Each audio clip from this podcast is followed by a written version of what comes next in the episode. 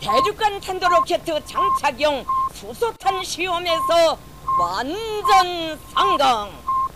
Atomprogrammet på 440 Hz. Science is interesting, and if you don't agree, you can fuck off.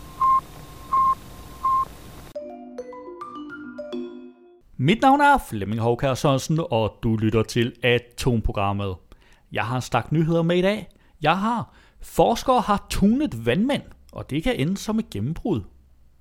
Jeg har også sprogforsker. Området i Aarhus har udviklet ny dialekt. Og så har jeg amatørfotografer opdager ny type nordlys, som ligner sandklitter. Og Dogens elementer flyttede sig ikke i syv år. Sidst men ikke mindst, så har jeg skildpadder kan selv bestemme deres køn. Og nu ved jeg godt, jeg sagde sidst, men ikke mindst, allersidst har vi selvfølgelig denne uges opdatering fra NASA.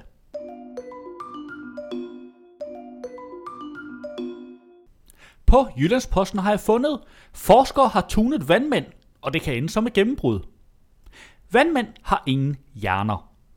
Det til trods er det disse gobler, en gruppe forskere har vendt sig imod i håbet om at gøre menneskeheden klogere på både klimaforandringer og havets uudforskede dybder. For at lykkes med det forhavne har forskerne fra USA måtte gå noget opsigtsvækkende til værks. Groft sagt har de udviklet en metode til at tune vandmænd. Men der ligger meget mere i arbejdet, end hvad der kan siges groft.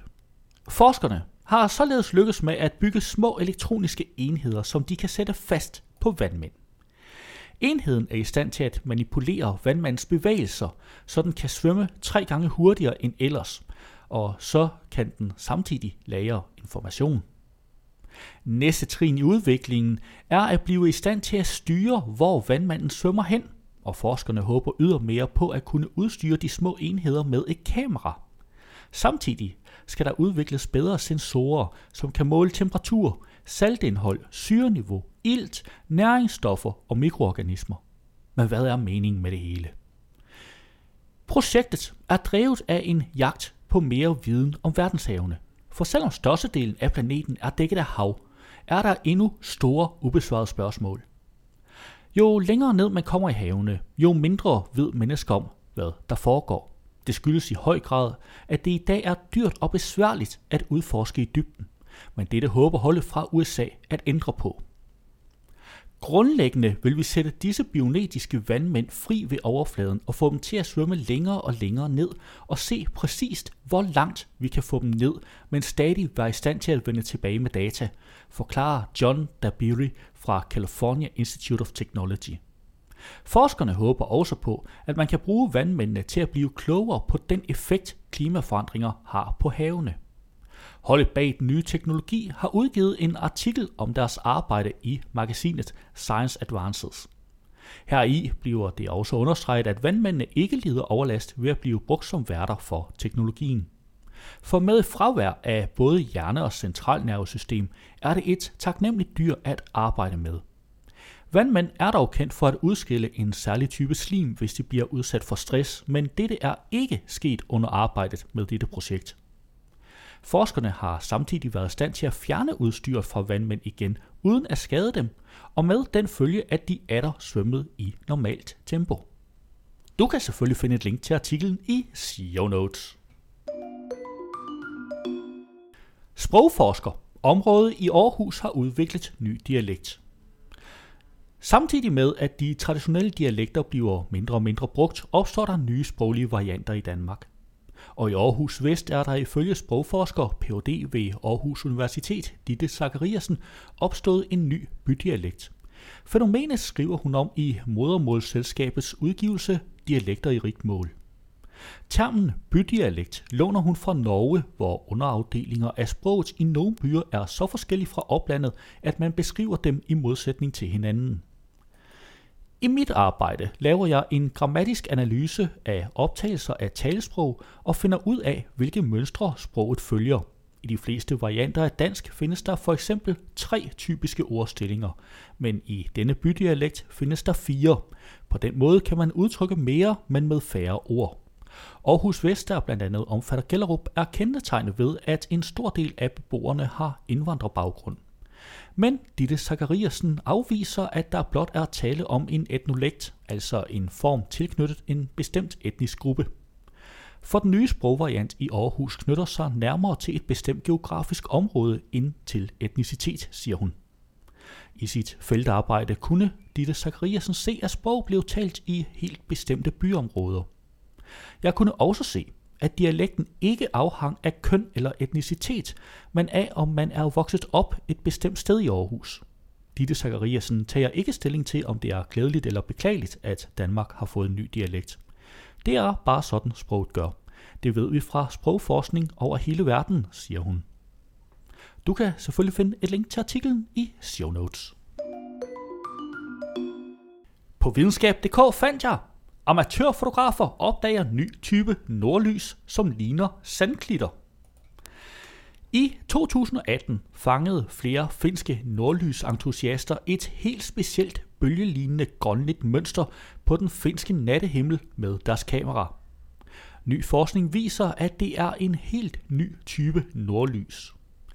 Nordlyset blev af de finske amatørfotografer døbt sandklitterne, på grund af måden det strækker sig vandret ud i horisonten i modsætning til almindelig nordlys, der spreder sig lodret. Ifølge forskere ved Helsinki Universitetet dannes den nye type nordlys af tyngdekraftsbølger og iltatomer i den øvre atmosfære. De nye fund blev offentliggjort i sidste uge i tidsskriftet AGU Advances. Trods navnet er tyngdekraftbølger noget helt andet end gravitationsbølger, som også ofte kaldes tyngdebølger. Gravitationsbølger er bølger i selve rumtiden, hvorimod tyngdekraftsbølger forekommer, når tyngdekraften forsøger at udligne en forstyrrelse i for eksempel havene her på jorden. Nordlysentusiasterne, der først opdagede lysene, delte deres billede af fænomenet med den finske rumfysiker og forsker Minna Palmroth. Gruppen ville have hende til at forklare fysikken bag nordlysene, men hun havde aldrig set den type nordlys før. Så Palmroth og hendes forskerhold bad gruppen om at fotografere sandklitterne fra flere forskellige steder i Finland natten til 7. oktober 2018. Ved at analysere billederne kunne forskerne beregne klitternes højde og dermed begynde at forstå fysikken bag. For første gang kan vi faktisk observere atmosfæriske bølger gennem nordlyset. Det der er noget, der ikke er blevet gjort før, siger Mina Palmroth. Klitterne i den nye type nordlys kommer fra en sjælden atmosfærisk tyngdekraftsbølge, der stiger op i atmosfæren og bliver bøjet og klemt mellem to koldere lag i atmosfæren. Det skaber de vandrette bølger, der spreder sig over himlen som noget, der minder om klitter af sand. Du kan selvfølgelig finde et link i show notes, og der kan du også se billeder og video af fænomenet. På videnskab.dk har jeg fundet, Dogen salamander flyttede sig ikke i syv år. Drømmer du om at bruge dit liv på at lave absolut ingenting? En østeuropæisk salamander har gjort denne dogne drøm til virkelighed og har siddet musestille i nu 2570 dage. Salamanderen er af arten hulepade, som er kendt for at leve i over 100 år. Nu har forskere fundet ud af, at de blege grottebeboere lever deres lange liv i et ekstremt langsomt tempo. De hænger ud og laver nærmest ingenting, fortæller Ballas, forsker i zoologi ved et universitet i Ungarn. Ballas og hans team har studeret de små kryb i grotter i Bosnien og Herzegovina – Selvom den lille dogne fætter er et utroligt tilfælde, flytter hulepadderne sig sjældent mere end 10 meter i deres levetid. Hulepadderne har heldigvis lave krav til livet. De er enspændere, har ingen fjender, kan spise med års mellemrum, er blinde og lever i total mørke under jorden eller vandet. Studiet, som er udgivet i tidsskriftet Journal of Zoology, udmærker sig ved at observere firebenene i naturen i modsætning til de fleste andre studier, som foregår i laboratorier. Du kan selvfølgelig finde et link til artiklen i show notes, og i artiklen der er der både et billede og en video af denne hulepadde. På Illustreret Videnskab fandt jeg, skildpadder kan selv bestemme deres køn. Ganske små temperaturforskelle i fostertilstanden er afgørende for, om en skildpadde bliver en han eller en hun. Hidtil har zoologerne derfor regnet med, at det er helt tilfældigt, hvilket køn der kommer ud af en portion æg. Men så enkelt er det ikke, viser nye forsøg, som er foretaget af kinesiske forskere ved Chinese Academy of Science. Til eksperimenterne brugte forskerne æg fra en ferskvandsskildpadde. I en særlig rugekasse blev æggene placeret sådan, at temperaturen fra den ene ende af æggene til den anden varierede med op til 4,7 grader. På forhånd havde forskerne behandlet halvdelen af æggene med stoffet capsaicin, som ødelægger fostrenes evne til at følge temperatur. Forskerne lavede nu opmålinger af, hvordan fostrene bevægede sig inde i æggene. De ubehandlede fostre flyttede sig helt op til 6 mm, mens de behandlede fostre stort set blev, hvor de var. Målingerne viste også, at de ubehandlede fostre altid bevægede sig hen mod en temperatur på 29 grader Celsius, som resulterer i en 50-50 fordeling af hanner og hunder. Forsøg tyder på, at fostrene faktisk selv kan vælge deres køn, men instinktivt opsøger den temperatur, som giver en ligelig fordeling mellem hanner og hunder. Den balancesøgende mekanisme betyder, at skildpadderne ikke er helt så sårbare over for et varmere klima, som forskerne har frygtet. Det samme kan gøre sig gældende hos flere arter af krybdyr og fisk, hvor temperaturen er afgørende. Du kan selvfølgelig finde et link i show notes.